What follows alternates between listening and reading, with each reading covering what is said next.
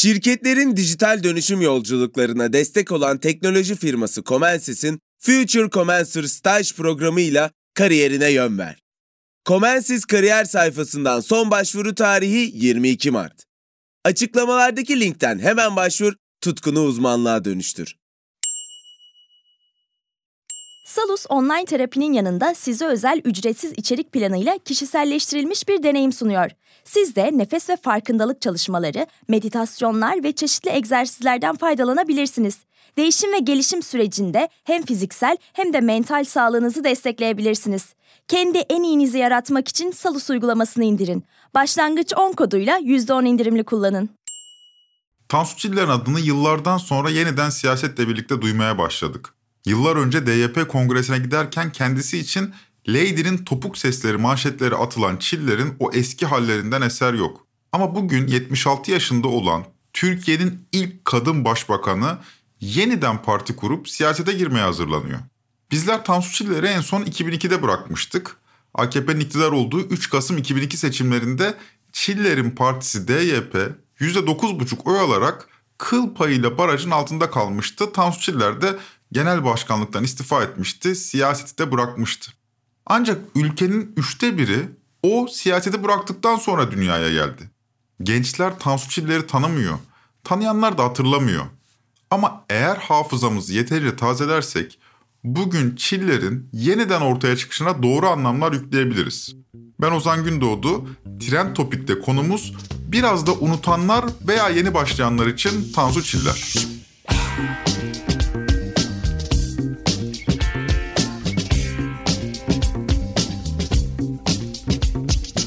90'lı yıllar deyince aklımızda ne canlanıyor? Ben kısaca özet geçeyim. Faali meçhul suikastler, işkencehaneye dönmüş karakollar, beyaz toroslar, uyuşturucu çeteleri, yolsuzluklar, toplu katliamlar, işte Gazi, Madımak. Diğer yandan üç haneyi gören enflasyon, giderek yoksullaşan halk kesimleri, bir türlü bitmek bilmeyen finansal krizler, batan bankalar vesaire vesaire. 90'lara dair hatırladığımız tek güzel şey var sanırım. O da Türkçe pop. 90'lı yıllar deyince aklımıza bunlar geliyor elbette ama bu yıllara damga vurmuş bir isim de var. Tansu Çiller. Onun hakkında çok yazılıp çizildi. 15 Temmuz'dan sonra bir göründü kayboldu. Fakat bugünlerde adını yeniden duymaya başladık. 76 yaşındaki bu isim kimse onu aramamasına, adı sana hiçbir ankette geçmemesine, herhangi bir iddiası olmamasına rağmen siyasete yeniden girmeye karar verdi. Peki neden? Bu kilit sorunun cevabını ancak onun hayatını daha yakından gözlersek verebiliriz. O halde gelin Tansu Çiller portresine daha yakından göz atalım.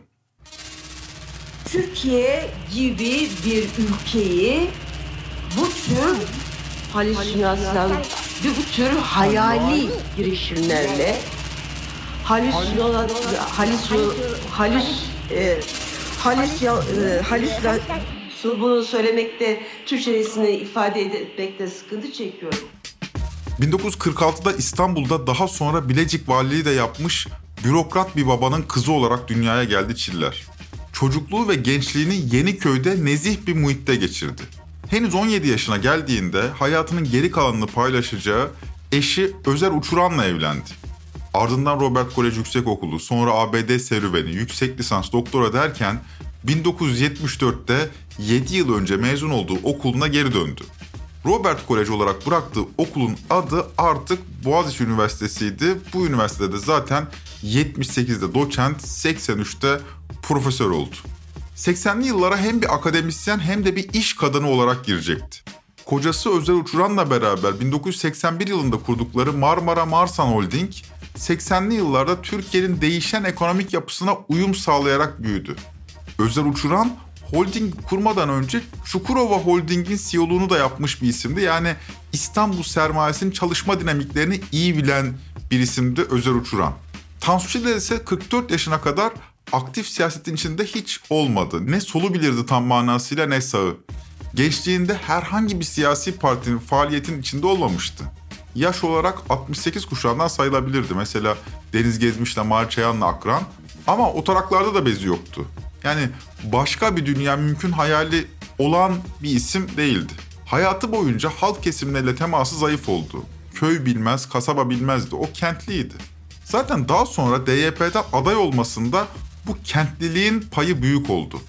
DYP'nin köylü kesiminde yüksek oranlı oyu zaten vardı. Bu çok bilinen bir durum.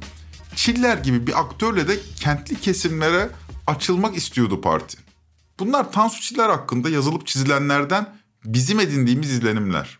Ama gelin bir de onu yakından tanıyan bir isimden dinleyelim. Bahattin Yücel. 1996 ve 97 yılları arasında Turizm Bakanlığı yapmış, 91 ve 95 seçimlerinde milletvekili olmuş bir kişi. Tansu Çiller'le hem aynı partide hem aynı kabinede bulunmuş bir isim. Bahattin Bey dönemin sadece yakın tanığı değil, aynı zamanda o dönem yaşananları tarihsel bir süzgeçten geçirerek yorumlayan da bir isim. 28 Şubat'ı anlattığı Ankara'da Sıcak Bir Yaz Günü kitabının da yazarı. Dinleyelim. Biz Tansu Çiller'le aynı mahallede oturuyorduk. Yani onlar Yeniköy'de, biz İstinye'de oturuyorduk. Çok yakın. Ve sık sık da karşılaşıyorduk. O zaman Boğaz şimdiki kadar yoğun bir trafiğe sahne olmuyordu. O vardı. E, ne bileyim aynı kasaba gidiliyor. İşte aynı fırından, aynı bakkaldan insanlar karşılaşıp birbirlerine merhabalaşıyorlardı ama ben o yıllarda Tansu Hanım'ı e, şey olarak görüyordum yani apolitik.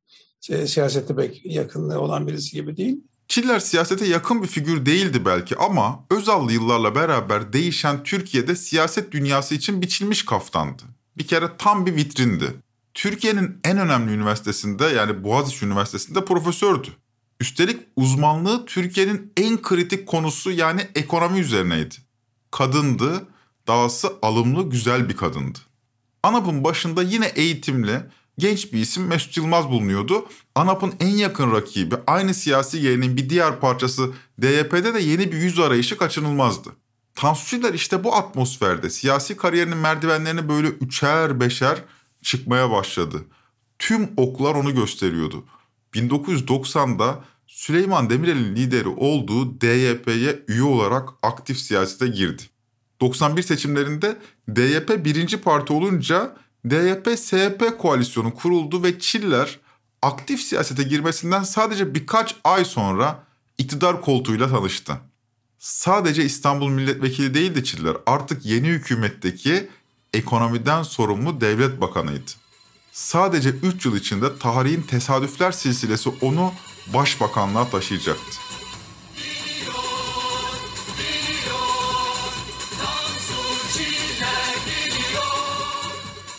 DYP'nin genel başkanı olması da aslında şansı olduğu tarihsel anlardan biri. DYP'nin başında liderliği tartışılmayan bir isim Süleyman Demirel vardı o yıllarda. Demirel DYP'nin başından kendi isteğiyle çekilmediği sürece onu oradan indirebilecek bir kişi de yoktu. Fakat 17 Nisan 1993'te Cumhurbaşkanı Turgut Özal ölünce Süleyman Demirel gözünü Çankaya'ya dikti. Demirel'in Cumhurbaşkanlığı arzusuyla birlikte DYP'de lider koltuğu birden boşalmıştı ve tarih Tansu Çiller'i çağırmıştı. Lady'nin topuk sesleri böylece duyulmaya başladı. Aslında Demirel Tansu Çiller'i desteklemedi ama kongreye de karışmadı. Bu ortamda DYP kongresi Tansu Çiller'i genel başkanlığa taşıdı. Tansu Çiller Türk siyasi tarihinde ağırlığı olan bir isim değil. Siyasete girdiği 1990 yılında diğer genel başkanlara bakıldığında bu tablo daha net görülüyor. Mesela Ecevit, İsmet İnönü gibi büyük bir ismi yenerek CHP'nin başına geçmiş. olan efsanesi hala sürüyor.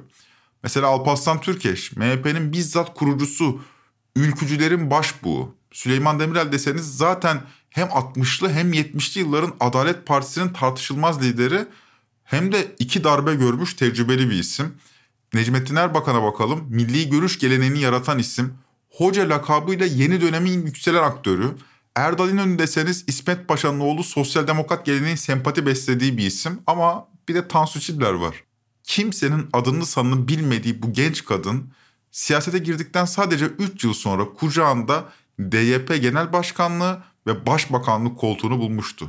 Sebebini Bahattin Yücel'den dinleyelim. E, aynı dönemde milletvekili seçildik. Tansu Hanım ekonomiden sorumlu devlet bakanı oldu. Ayrı partilerdeydik. Ben ANAP'tan, o Doğru Yol Partisi'nden de ve o sırada Tansu Hanım ciddi anlamda parlatıldı. Medya üzerinde de parlatıldı. Tabii medyadaki parlatılmasının temel nedeni o zamanları çok önemli değil. Bunu Tansu Hanım söylemiştir. Bir kısım medya özellikle siyasal iktidarların kontrolündeki devlet bankalarından, kamu bankalarından diledikleri koşullarda, diledikleri gibi, diledikleri zaman ödeyecekleri krediler alıyorlar.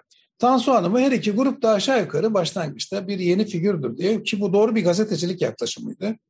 Çünkü Türkiye'de genelde merkez sağ ve 12 Eylül'den sonra da çok uygun olmayan koşullarda başlayan demokratikleşme hareketleri sırasında böyle İngilizce konuşan, yurt dışında okumuş. Şimdi de rahmetli Ufuk Güldemir'in tanımıdır o.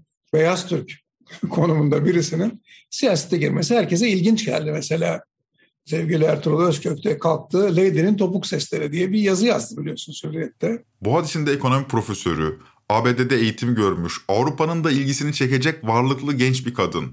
Türkiye'nin yeni başbakanı. Çinlerin başbakanlığı Avrupa'nın da ilgisini kabartmıştı. Ama bu kalıptan milliyetçi muhafazakar bir siyasetçi çıkmayacağını düşünenler fena halde yanıldı. Başta da belirttiğimiz gibi Tansu Çiller apolitik biriydi ama pragmatistti. Dönemin ruhuna göre şekil alabilen biriydi. Kürt sorununun büyümesiyle birlikte esasen milliyetçi rüzgarlar SHP'nin devre dışı kalmasıyla birlikte gittikçe kuvvetlendi. Çiller de bu rüzgara omuz verecekti. Çevresine topladığı isimler eski MHP'lilerden oluşuyordu ama gerçekten içten bir milliyetçi miydi derseniz bu sefer Bahattin Yücel'e kulak verelim. İçten değil. Yani gerçek anlamda o milliyetçi kadrolardan gelmiş olsa ya da devrimci kadrolardan gelmiş olsa kendine özgü bir dünya görüşü olur. O dünya görüşünü iktidar gücüyle dengelerek kullanmaya, hayata geçirmeye çalışır. Böyle bir şey yok. Yani aslında o saydığınız çete demeyelim de işte devlet içerisindeki bir özel örgütlenmenin, yapılanmanın ya da çeteleşmenin ortağı ya da yapıcısı, yöneticisi falan değil. Onu kucağında buldu o geldi. 90'lı yılların bu iklimini uzun uzadıya anlatmak mümkün. Yasa dışı faaliyetlerin meşrulaşmasında PKK ile mücadele başlığı işlevsel olduğu bu vurgulanabilir. Kokain ticaretinden kumarhanelere, silahlı çete faaliyetinden haraç toplamaya kadar bir her türlü organize suç hızla politikleşti bu dönemde. Kürt sorunu konusundaysa 91 yılında kurulan DYP-SHP hükümeti ilerici adımlar atmaya hazırdı. Fakat bu koalisyon olağanüstü bir medya muhalefetiyle karşılaştı. Zaten Leyla Zana, Hatip Dicle gibi isimler SHP sıralarından meclise girmişti. Bir de SHP'li İstanbul Belediyesi'nde İSKİ skandalı patlak verince siyasetin soluğu tavrımar olmuştu. SHP hem tırnak içinde bölücü vekilleri meclise taşıyan hem de yolsuzluklara adı karışan bir parti olarak resmedildi. Medya SHP'nin üzerinde tepindi. Daha sonra siyaset dünyasından silinip gitti, CHP'ye katıldılar. Türkiye'nin merkez solu bir biçimiyle tasfiye edilmişti. Hala hazırdaki sol partiler DSP ve CHP de 70'li yılların sosyal demokrat kimliğini tümüyle terk etmiş, büyük ölçüde milli güvenlikçi bir çizgiye hapsolmuştu. İslamcılık ise sert biçimde yükselen bir harekete dönüşmüştü. 2 Temmuz 1993'te Türkiye'nin göğsüne hançer gibi saplanan Madımak katliamı gerçekleştiğinde Çiller henüz çiçeği burnunda bir başbakandı. Linççi grup Sivas'ın merkezinde içinde onlarca aydın ve sanatçının bulunduğu Madımak Oteli ateşe verdi. Katliamda 35 kişi yanarak ya da boğularak can verdi. Bu kan donduran olayın ardından Tansu Çiller'in ilk sözleri de milyonlarca insanın kulağından gitmedi. Çok şükür diyordu Çiller. Otel dışındaki halkımız bu yangından zarar görmemiştir, halktan kimsenin burnu kanamamıştır.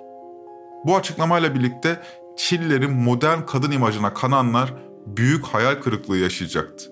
Çevresi eski ülkücü isimlerle doluydu. Terörle mücadele adı altında tüm yasal düzenlemelerin yanında yasa dışı uygulamalara da göz yumulmaya başlandı. Karakollar işkencehaneye dönmüştü. Faali meçhul suikastler giderek normalleşmeye başlıyordu. Bu iklimde çeteler devletle işbirliği halinde pastadan aldıkları payı giderek büyütmeye başladı. Çetelere bir de isim bulundu. Derin devlet. Faali meçhul kalan Hasan Ocak'ın ablası Maside Ocak 32. güne şöyle konuşmuş. 21 Mart'ta alınmıştı. 26 Mart'ta e, öldürülmüş bir halde Beykoz e, Buzhane Köyü Dedeler mevkiinde. Ayakkabı bağcıkları yok, kemeri, saati, kimliği yok cansız bir şekilde atılmış ormanın ortasına. Hasan Ocak'ın katili bulunamadı. Aynı şekilde işkencede katledilen bir başka isim gazeteci, evrensel muhabiri Metin Göktepe. Görevi başındayken gözaltına alınmış, dayak atılarak öldürülmüştü. Bunlar yaşanırken Başbakan Tansu Çiller'in dudaklarından olaylara dair hiçbir cümle duyulmuyordu. Çiller ben Atatürk'ün ürünüyüm diyerek bir yandan Refah Partisi'nin yarattığı endişeden faydalanmak istiyor, Bir yandan da işkenceyi görmezden gelerek çetelerle iş gören devlet içindeki siyasi kliği arkasına almaya çalışıyordu. O yıllarda Erbakan'ın da hep hışmına uğradı. Sayın Çiller'in söylediği gerekçe yanlıştır. Ben Atatürk'ün ürünüm diyor, bu yanlıştır. Sayın Çiller olsa olsa Batı'nın ürünüdür. Ben ben Batı'nın ürünüyüm dese doğru bir şey söylemiş olur. Derken 95 seçimleri Refah Partisi birinci, ANAP ikinci, Çiller ise DYP'nin genel başkanı olarak girdiği ilk seçimde ancak üçüncü olabilmişti. 94 ekonomik krizinin faturasını seçmen Başbakan Tansu Çiller'e kesmişti. Çiller'in oyu daha doğrusu DYP'nin oyu 8 puan birden düştü. Alanında lider teknoloji şirketi Comensis, mühendislik, tasarım, ürün geliştirme, test mühendisliği ve bulut gibi alanlarda staj yapmak üzere 3. ve 4. sınıf öğrencilerini arıyor. 8 Temmuz'da başlayacak ve 6 hafta sürecek programa Comensis kariyer sayfasından son başvuru tarihi ise 22 Mart. Future Commencer ile akademik bilgilerini uygulamalı deneyimlerle pekiştir, tutkunu uzmanlığa dönüştür. Salus uygulamasında klinik psikologların yanında online görüşme yapabileceğiniz farklı uzmanlar da var. Çocuk gelişim uzmanı, diyetisyen veya fizyoterapist. Bu sayede değişen ihtiyaçlarınıza uygun beslenme, egzersiz ve sağlıklı yaşam rutinleri oluşturabilirsiniz. Salus uygulamasını indirin ve başlangıç 10 koduyla %10 indirimden yararlanın. Detaylar açıklamalarda ve salusmental.com'da. 95 seçimlerinin ardından koalisyon görüşmeleri başladı. Birinci parti olmasına rağmen Refah'la kimse koalisyona girişmedi. Önce ANAP ve DYP koalisyonu ana yol hükümetini kurdu. Ama merkez sağ talip bu iki partinin lideri alan savaşına tutuşmuş düşmanlar gibi durmaksızın birbirini yiyordu. Yıllık plan. Bu kadar aldatmacı olur. Şimdi kırık plak gibi aynı şeyi ezberlemiş söylüyor Sayın Başbakan. Benim söylediğim şudur. Bakın soru sordum cevap veremedi. Bir Biraz buçuk, bir buçuk katrilyon borçlandırmış devlet. Bir buçuk katrilyonun karşında ne yatırım yapmış diyorum. Bu devlete ne yapmış? Ana yol yalnızca 4 ay dayanabildi. Koalisyon önce Çiller'in mal varlığı üzerine dolaşan şaibelerin ardından büyük deprem yaşadı. Mesut Yılmaz Çiller'in Yüce Divan'a sevkine yönelik oylamada evet oyu vereceğini açıklayınca olanlar oldu ve koalisyon dağıldı. Ama Çiller iktidarı bırakmak niyetinde değildi. Bir koalisyon ihtimali daha vardı. 95 seçimlerinin birincisi Refah. Ama Refah'la Çiller'in kanı uyuşmazdı söylemiştik. Çiller'in kendi tabiriyle Atatürk'ün ürünüydü Çiller. Refah ise 90'lar Türkiye Devleti için irticayla eş anlamlıydı. Birinci çıkmasına rağmen kimse onunla koalisyona yanaşamamıştı. Bahattin Yücel de birinci olan partiye hiçbir koltuğun verilmemesi gerilimin niteliğini değiştirebilir düşüncesiyle en azından meclis başkanlığının Refah Partisi'ne verilmesini düşünüyor ve bu öneriyi Tansu Çiller'e götürüyor. Gerisini Bahattin Bey'den dinleyelim. Yapılması gereken şey refahı tamamen dışlamak yerine mesela birinci parti oldukları için meclis başkanlığı onlara verelim. Kime verelim? Aydın Menderes'i dedim, önerelim dedim falan. Bunu yanılmıyorsam Mehmet Köstepen gidip Tansu Han'la paylaşmış. Aradılar dediler ki Tansu Han seninle görüşmek istiyor. Olur dedim. Mecliste bir odası vardı işte. Oraya gittim dedi ki ya sen Mehmet Köstepen'e böyle böyle bir şey söyledin? Söyledim. Ama dedi yani bunu söylerken dedi o koltukta daha önce kimin oturduğunu biliyor musun dedi. Çok oturan oldu. Kimi kastettiğinizi bilmiyorum dedim ama yani ben siyasetlerle ilgiliyim dedim yani. Bir okudum da dedim yani bu konuda. Atatürk oturuyordu. Şimdi oraya dedi. Nasıl dedi sen bir refahlı dedi şey yaparsın dedi. Refahla arası böylesine mesafeli bir siyasetçiden söz ediyoruz ama işte Çiller için işin ucunda Yüce Divan'a gitmek vardı.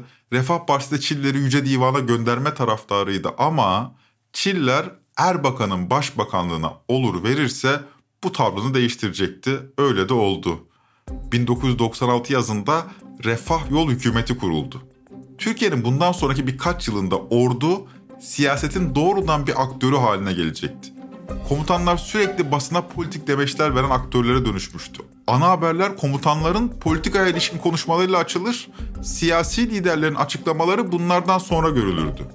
1996 yazı kışa dönerken Türkiye bir kazayla sarsıldı. Bir kamyon bir Mercedes'e çarpmıştı ama o Mercedes'te kırmızı bültenle aranan bir çete lideri Abdullah Çatlı ve sevgilisi, bir DYP milletvekili ve Bucak aşireti lideri Sedat Bucak, bir emniyet müdürü Hüseyin Kocadağ bulunuyordu. Türkiye derinden sarsıldı. İlişkiler ağı ortaya çıktığında devlet, mafya, aşiret üçgeni üzerine daha çok gidilmeye başlandı. Oklar hemen İçişleri Bakanı Mehmet Ağar'ı göstermeye başlamıştı bile. Ağar kazadan sadece 5 gün sonra istifa etmek zorunda kaldı. Ben bu konuda yapılabilecek her türlü araştırmada rahatlık olsun diye gönül huzuru içerisinde görevimden ayrılıyorum. Çiller'in olayın ardından yaptığı ilk açıklama ise kan dondurucuydu.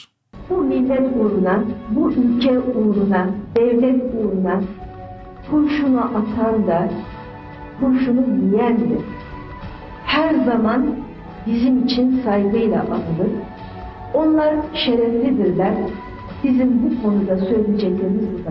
Ama yanlış anlaşılmasın. Tansu Çiller Türkiye'nin derin diye adlandırılan, oldukça kirlenmiş, Susurluk kazasıyla açığa çıkan güç merkezlerini yöneten biri falan değildi. Öyle bir kapasitesi de yoktu. Hatta belki yöneten, yönetilen bağlamında bir cümle kurmamız gerekirse Çiller yönetilen pozisyondaydı. Onun için önemli olan iktidarda kalabilmekti. Siyasetçi başka ne yapardı ki? Dediğimiz gibi idealleri olan biri değildi Çiller. Bir dava insanı değildi.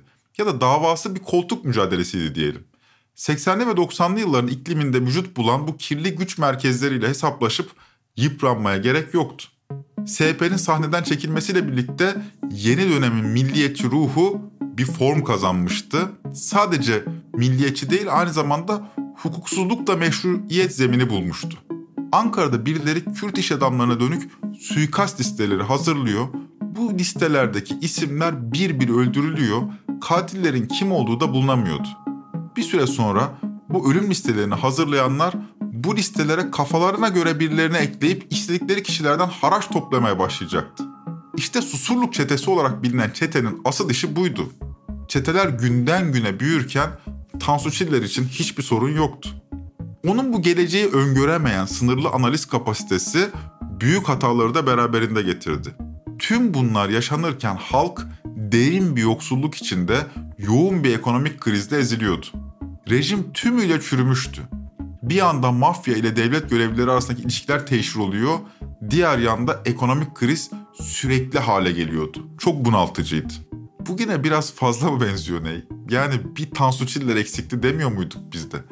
Sedat Peker'in saatlerce anlattığı ifşaatlarının ardından henüz bir yıl bile geçmeden sahneye Tansu Çiller de çıkıverdi. Mehmet Ağar'la kıyaslanan bir İçişleri Bakanımız var. Tıpkı onun gibi MHP tabanı tarafından seviliyor. Tıpkı onun gibi merkez sağ kökenli hatta aynı partide bulunmuşlar. Tıpkı onun gibi suç dünyasından isimlerle bir biçimiyle aynı fotoğraf karesine giriyor. Diğer yanda suç dünyası içinde hesaplaşmalar su yüzüne çıkmaya başlamış durumda. Yani Halil Falyalı'nın ölümüyle ilgili bölümü yapalı daha iki ay olmadı hatırlarsınız. Ekonomi deseniz 90'lı yılları aratmıyor. Yoksulluk deseniz belki de daha fena. Yolsuzluk deseniz bugün işin boyutu bir hayli büyümüş durumda. Tüm bu curcunada bir de manzaraya Tansu Çiller girdi. Evet gerçekten bir o eksikti. Çiller'in kim olduğunu kimimiz hayal meyal hatırlıyor, kimimiz tamamıyla unuttuk. Daha genç olanlarımız belki de bilmiyor. Öyleyse yine soralım. Bu denli unutulmuş, toplumun hafızasından silinmiş ve adı anıldığında 90'lar Türkiye'sinin karanlığını da beraberinde hatırladığımız bir siyasetçi ne diye 2022 yılında yeniden siyasete gireceğini açıklıyor. Levent Gültekin'e göre işin özü tam da burada. Tansu Çiller tam da 90'lar Türkiye'sinin karanlığını hatırlattığı için bugün sahneye çıkıyor. Tansu Çiller gibi ununu elemiş, eleğini asmış bir hanımefendi. Siyasetten çekilmiş, defteri kapatmış. Ortaya çıktığında en küçük bir varlık gösterme ihtimali bile yok. Hani sistem değişmemiş olsa, %50 artı birlik bir mekanizma kurulmamış olsa, tamam o da %2'ye 3 ile kendine bir alan açmaya çalışıyor bile diyebiliriz. Hiçbir şey yapma ihtimali olmayan bir kadını kim, nasıl ve neyle ikna etti de piyasaya sürdü. Sürme gerekçeleri bana göre eski Türkiye'yi hatırlatmaya çalışıyorlar seçmenin zihninde. Olabildiğince dağınık bir siyaset yapısı var. Onun karşısında da bir tek başına lider Erdoğan var. Toplumu eski Türkiye'yi mi istiyorsunuz yoksa yeni Türkiye'yi mi ikilemine sokmaya çalışıyorlar. Tansu bana göre misyonu o. Bir nevi ölümü gösterip sıtmaya razı etmek gibi bir şey Levent Gültekin'e göre bu durum. Gültekin'in tespitinde haklılık payı var. Tansu yüzünü son zamanlarda iktidara angaja medyada daha sık görmeye başladık. Yaptığı açıklamalar da Gültekin'in çizdiği bu parçalı bir yapıya karşı tek lider Erdoğan portresine uygun açıklamalar. Örneğin Çillerin ne tesadüftür ki tam da altılı koalisyon fotoğrafının çekildiği 28 Şubat tarihinde Yeni Şafak'a verdiği röportajı dinleyelim. Parlamenter sistemler koalisyonlarla idare edildiği zaman işlemez Türkiye'de. Bunu Türkiye'nin üzerine önüne umut diye koymak bir ihanettir. Güçlendirilmiş parlamenter sistemi nasıl yapacaksınız? Ben karşımda gördüğüm zaman buna talip olan birçok parti görüyorum. Bu, bu partilerin toplam bir koalisyonunu görüyorum. Görüyorum yani bu bana çok düşündürücü geliyor. Çok düşündürücü. Çillerin ortaya çıkışı anlamsız. Orası çok açık. Ama anlamsız olmasına rağmen tam da altılı masayı ya da altılı koalisyonu konuşmaya başladığımız günlere denk gelmesi tesadüf değil sanki. Adı 90'lar koalisyonları deyince akla gelen siyasetçilerden ilki olan Çiller, koalisyon kelimesinin içini belli anlamlarla doldurmaya gelmişe benziyor. İleriki günlerde kendisinden bu yönde açıklamaları tekrar duyarsak şaşırmamak lazım. Ama kimilerine göre ise Çiller'in ortaya çıkışında spesifik olarak Meral Akşener'e bakan bir taraf da aramak gerek. Çiller'in Susurluk skandalının ardından Mehmet Har'ın yerine İçişleri Bakanı olarak atadığı isim Meral Akşener'di. Bu yüzden bir teori de Çiller'in hatırlattığı karanlık dönemin Meral Akşener'i de hedef aldığı yönünde. Nitekim Ahmet Hakan 11 Mart tarihli köşe yazısında tam da bu konu üzerinden konuşmuş. Şöyle yazıyor Hakan. Tansu Çiller siyasete dönebileceğini açıklayınca sosyal medyada Tansu Çiller'i dövme şenlikleri düzenlendi. Hatta Çiller denilince diye bir başlık açıldı ve bu başlık altında herkes Çiller denilince akla neyin geldiğini yazmaya başladı. Ben de bu şenliğe kıyısından köşesinden katılıyorum. Efendim, Çiller denilince bendenizin aklına gelen isim Meral Akşener'dir. Şimdi Ahmet Hakan'ı objektif bir gazeteci olarak değil, Demirören Medya'nın hürriyetinin başında biraz da sarayla teması olan biraz operasyonel bir isim olarak değerlendirmek gerekir. Hal böyle olunca Çiller denilince bendenizin aklına gelen ilk isim Meral Akşener'dir diyen Ahmet Hakan'a bir ünlem düşelim. Gelin görün ki Meral Akşener bu yazının yayınlandığı günün sabahı Fox'ta İsmail Küçükkaya'nın konu oluyor. İsmail Küçükkaya Akşener'le Ahmet Hakan'ın köşe yazısını paylaşıyor ve soruyor. Yorumunuz nedir?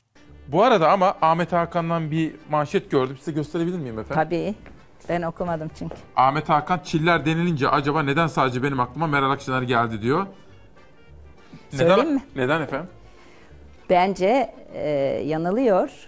21 yılın sonunda artık benim aklıma Sayın Çiller dendiğinde Tayyip Erdoğan geliyor. 21 yıl.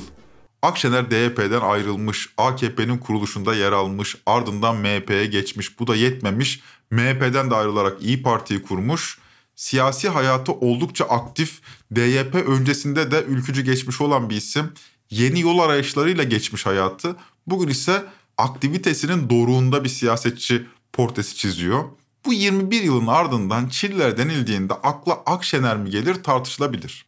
Hadi geldi diyelim siyaseten aktivitesinin doruğundaki Meral Hanım karşısında siyasi hayatını 2002'den bu yana sanki adasa bırakmış Tansu Hanım ne derece etkili olabilir yorumu da yapılabilir. Bu yorumu size bırakalım. Öte yandan resme biraz da uzaktan bakalım. Şu siyaset yapma biçiminin gelecekte yeri var mı sizce? Yarın da siyaset böyle mi olacak gerçekten? 90'lardan bu yana ülkede, dünyada çok ama çok değişti. Fakat yöneticilerimizi henüz 2000'lerden seçmeye başlayamadık.